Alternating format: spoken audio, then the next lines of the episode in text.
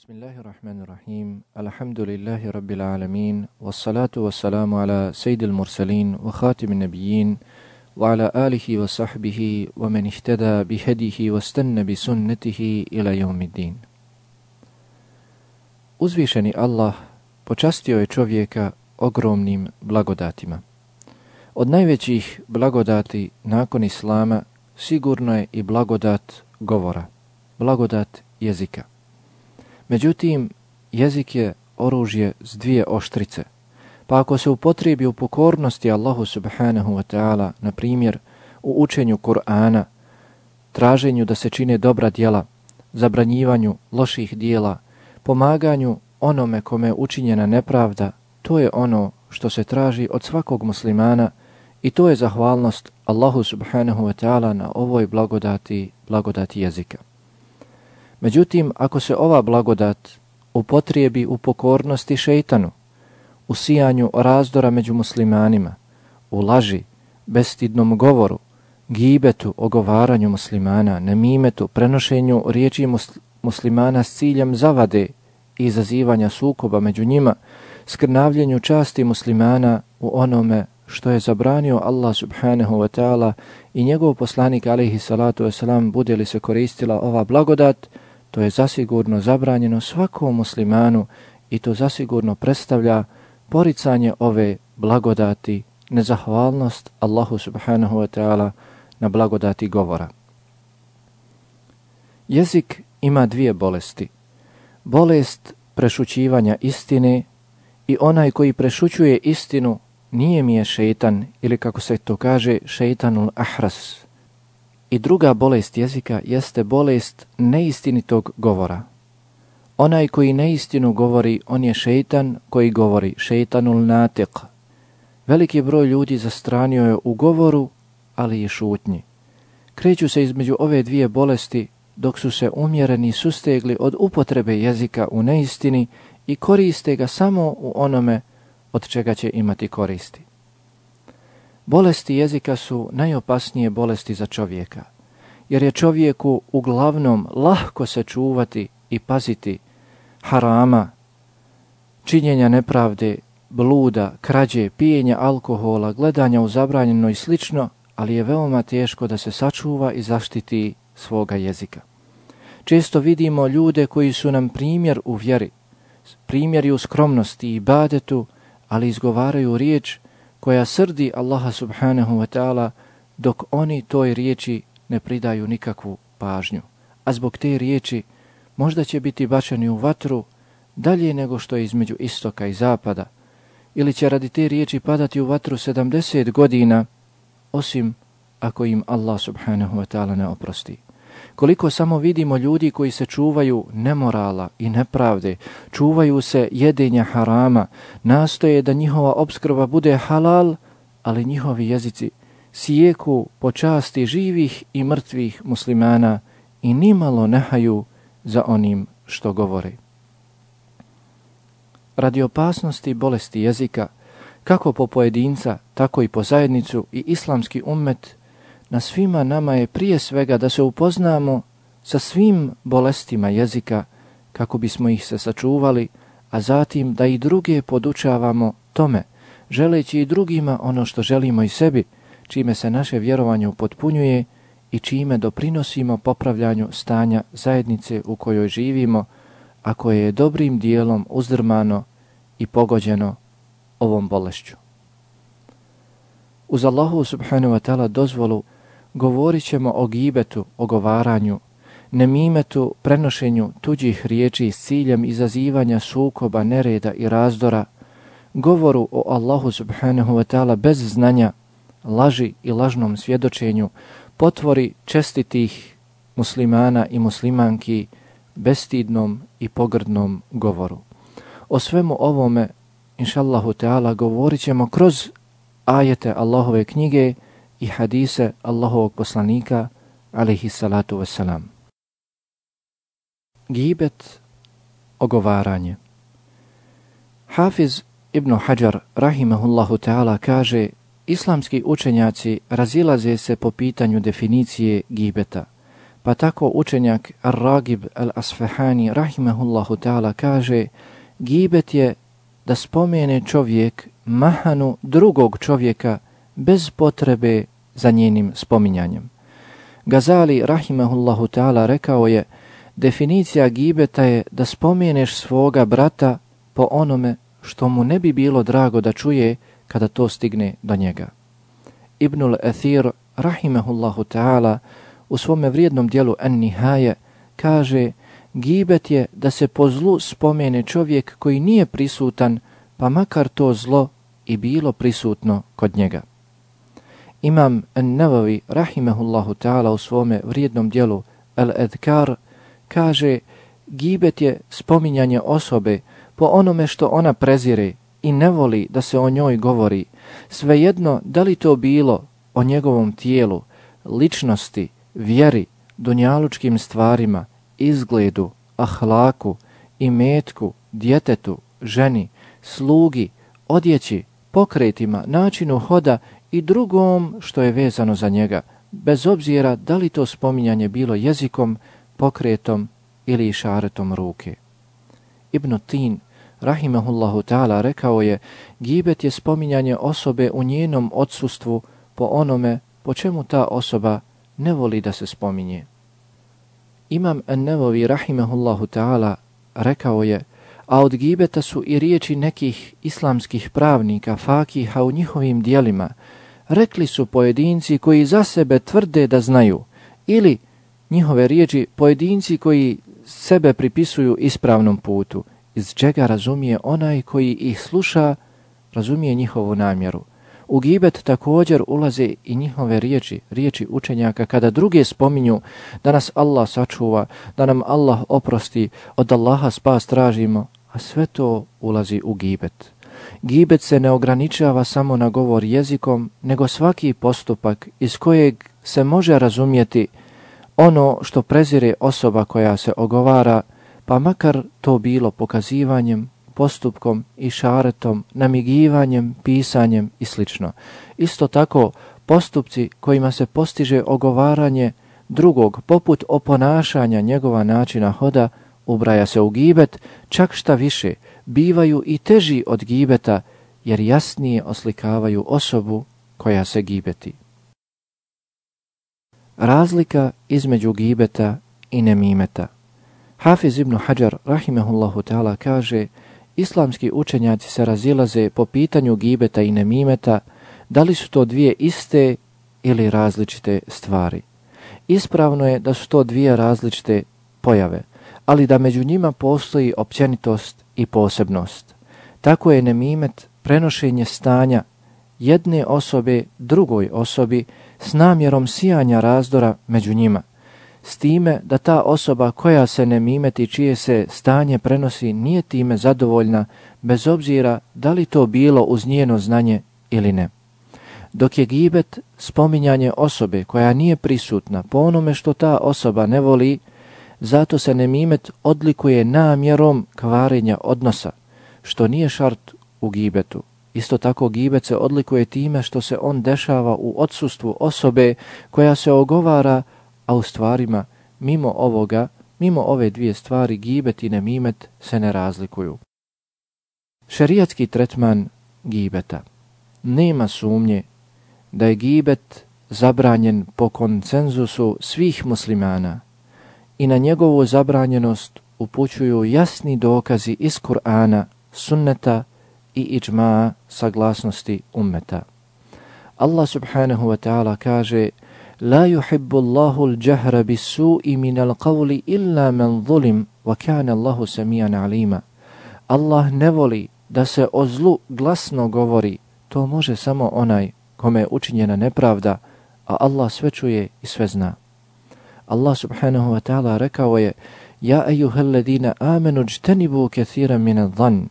O vjernici, klonite se mnogi sumnjičenja Inne ba'da dhanni ithmun, wala teđesesu, wala yagtab ba'dukum ba'da. Doista, pojedina sumnjičenja su grijeh.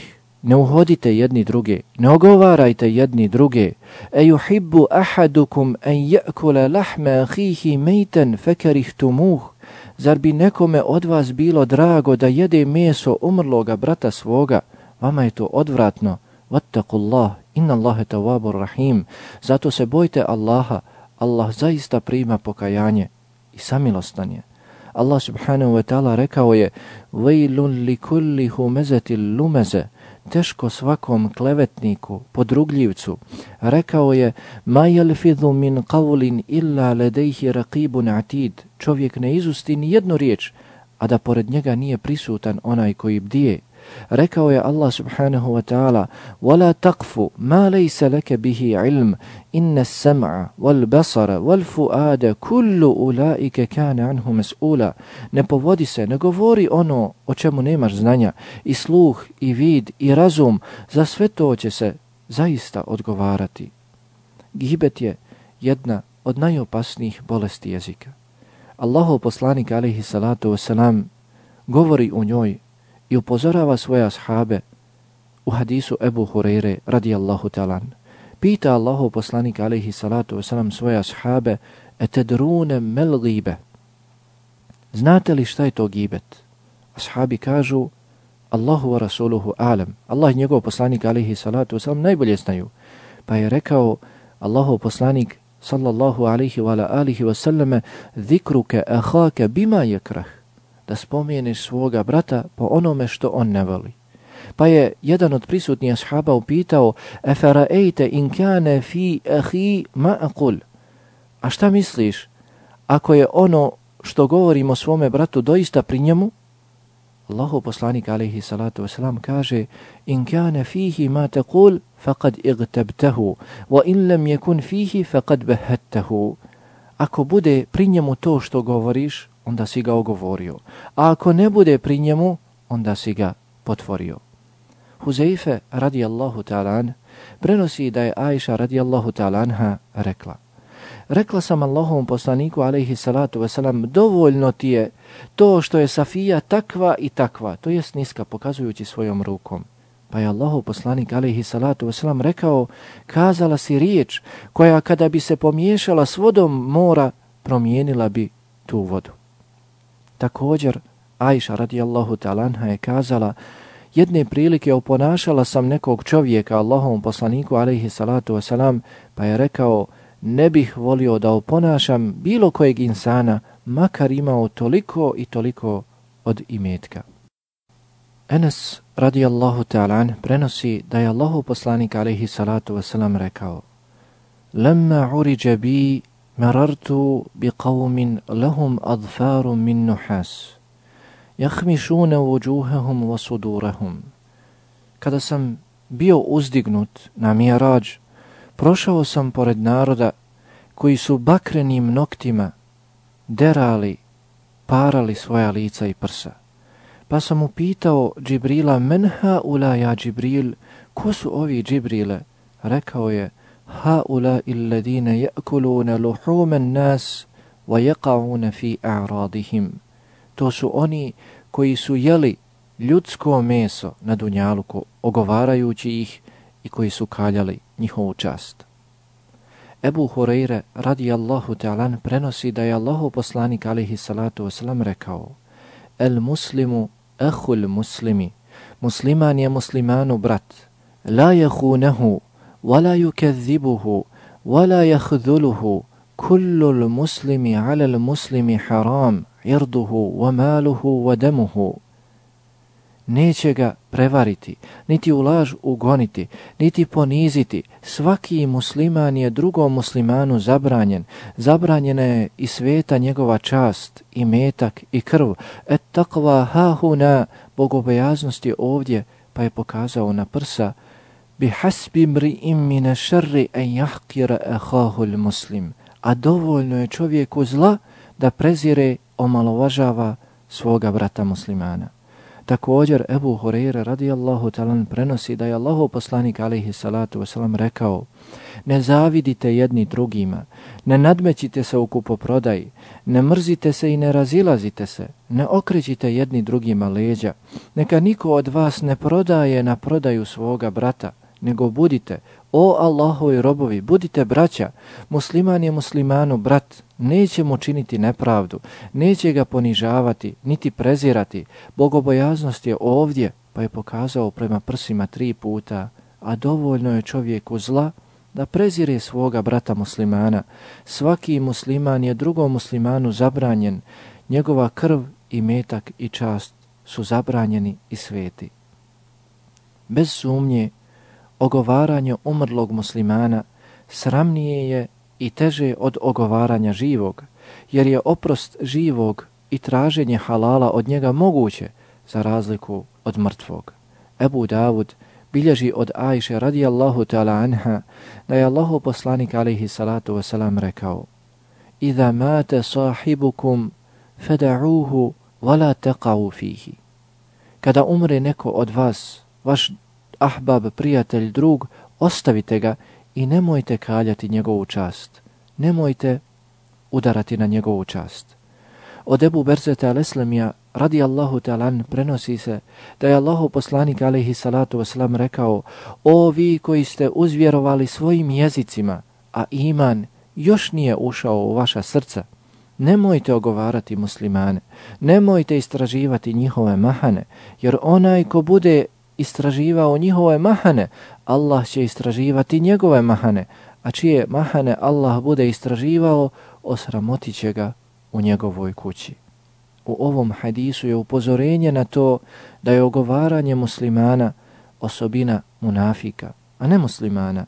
Također u njemu je prijetnja da će Allah subhanahu wa ta'ala razotkriti mahane onih koji istražuju mahane muslimana, kažnjavajući ih tako za zlo koje su učinili, razotkrivajući njihove mahane, pa makar bili u svojim kućama skriveni od ljudi. Mustavrid ibn Šeddad radijallahu ta'alan prenosi da je poslanik alihi salatu wasalam rekao Onaj ko jede hranu od čovjeka muslimana, jede njegovo meso, odnosno ogovara muslimana, jede ljudsko meso, zaista će ga Allah subhanahu wa ta'ala nahraniti time u džehennemu. Onaj ko bude obučen odjećom radi izdaje, izda, proda svoga brata muslimana pa dobije imetak i odjene se tim imetkom, doista će ga Allah obući takvim, takvom odjećom u džehennemu. Onaj ko uzdigne nekog čovjeka na mjesto radi pretvaranja i položaja, Allah će ga postaviti na položaj pretvaranja i slave na sudnjem danu. U ovom hadisu je prijetnja onome ko se hrani ljudskim mesom, mesom muslimana. To jest iz razloga njegovog ogovaranja i napadanja na njegovu čast ili ga izlažući ezijetu njegovih neprijatelja. Također prijetnja onome ko bude obučena radi izdaje muslimana, zaista će ga Allah subhanahu wa ta'ala uzvišeni i plemeniti nahraniti džehennemom kao što se on hranio mesom toga muslimana, obuće ga džehennemskom odjećom kao što je bio obučen radi izdaje jer je kazna od iste vrste dijela. Od Sejda ibn Zejda radijallahu talan se bilježi da je Allahu poslanik alaihi salatu wasalam rekao Zaista je najveća kamata, najveći vid kamate je pružanje jezika po časti muslimana bespravno kaljanje časti muslimana. Allahu poslanik alihi salatu wasalam pojašnjava da je najveći vid kamate kaljanje časti muslimana, prezirući tog muslimana, uzdižući se nad njim, potvarajući ga ili psujući i slično tome, jer je to doista najveća kamata i to je najstrožije zabranjeno, jer čast čovjeka je svetija od bilo kakvog imetka. Poslanik alihi salatu wasalam ubrojao je čast kao vrstu imetka kako bi ukazao na njenu vrijednost, a kamo to je podijelio na dva dijela, na poznatu, to je ono što se uzima kao dodatak na pozajmljeni imetak od dužnika i nepoznatu, to je pružanje jezika po časti muslimana bespravno. Pa je poslanik alihi salatu wasalam pojasnio da je teža zabrana od ove dvije vrste pružanje jezika po časti muslimana bespravno. Ako je pružanje jezika s pravom, onda biva dozvoljeno onome ko posjeduje to pravo, ali opet uz uslove i ograničenja koja je pojasnila islamska ulema, islamski učenjaci, a bit će govora i pojašnjenja o tome. kako treba postupiti osoba koja čuje da se druga osoba ogovara o njenom prisustvu. Imam Nevovi, rahimahullahu ta'ala, kaže Znaj da je obaveza onoga ko čuje ogovaranje muslimana da to s mjesta zaustavi, da ukori onoga ko to čini, pa ako se taj ne povuče i ne zaustavi od ukora riječima, tada će biti spriječen rukom, a ako nije u stanju rukom ili jezikom spriječiti ogovaranje, napustit će takvo društvo ili sjelo. Ko čuje ogovaranje svoga učitelja ili nekoga ko ima kod njega posebno mjesto i veliko pravo ili nekog od uglednih i poštenih ljudi, tada negiranje zabrana tog ogovaranja moraju biti žešći. Od Itibana, radijallahu ta'alan, prenosi se da je rekao Ustao je Allahov poslanik alihi salatu wasalam klanjati, a neki upitaše gdje je Malik ibn Duhajšin? Bi rečeno, onaj munafik koji ne voli Allaha niti njegovog poslanika alaihi salatu wasalam, Allahu poslanik sallallahu alaihi wa alihi wasalam reče, ne govori tako, zar ne znaš da je posvjedočio da nema Boga osim Allaha, želeći time samo Allahovo lice, Allahovo zadovoljstvo? Rekoše, Allah i njegov poslanik najbolje znaju, ali mi vidimo njegovo lice, njegovo druženje i savjetovanje munafika. Poslanik alihi salatu wasalam reče, zaista je Allah zabranio vatri onoga ko posvjedoči da nema drugog istinskog Boga osim Allaha subhanahu wa ta'ala, želeći time Allahovo lice i zadovoljstvo.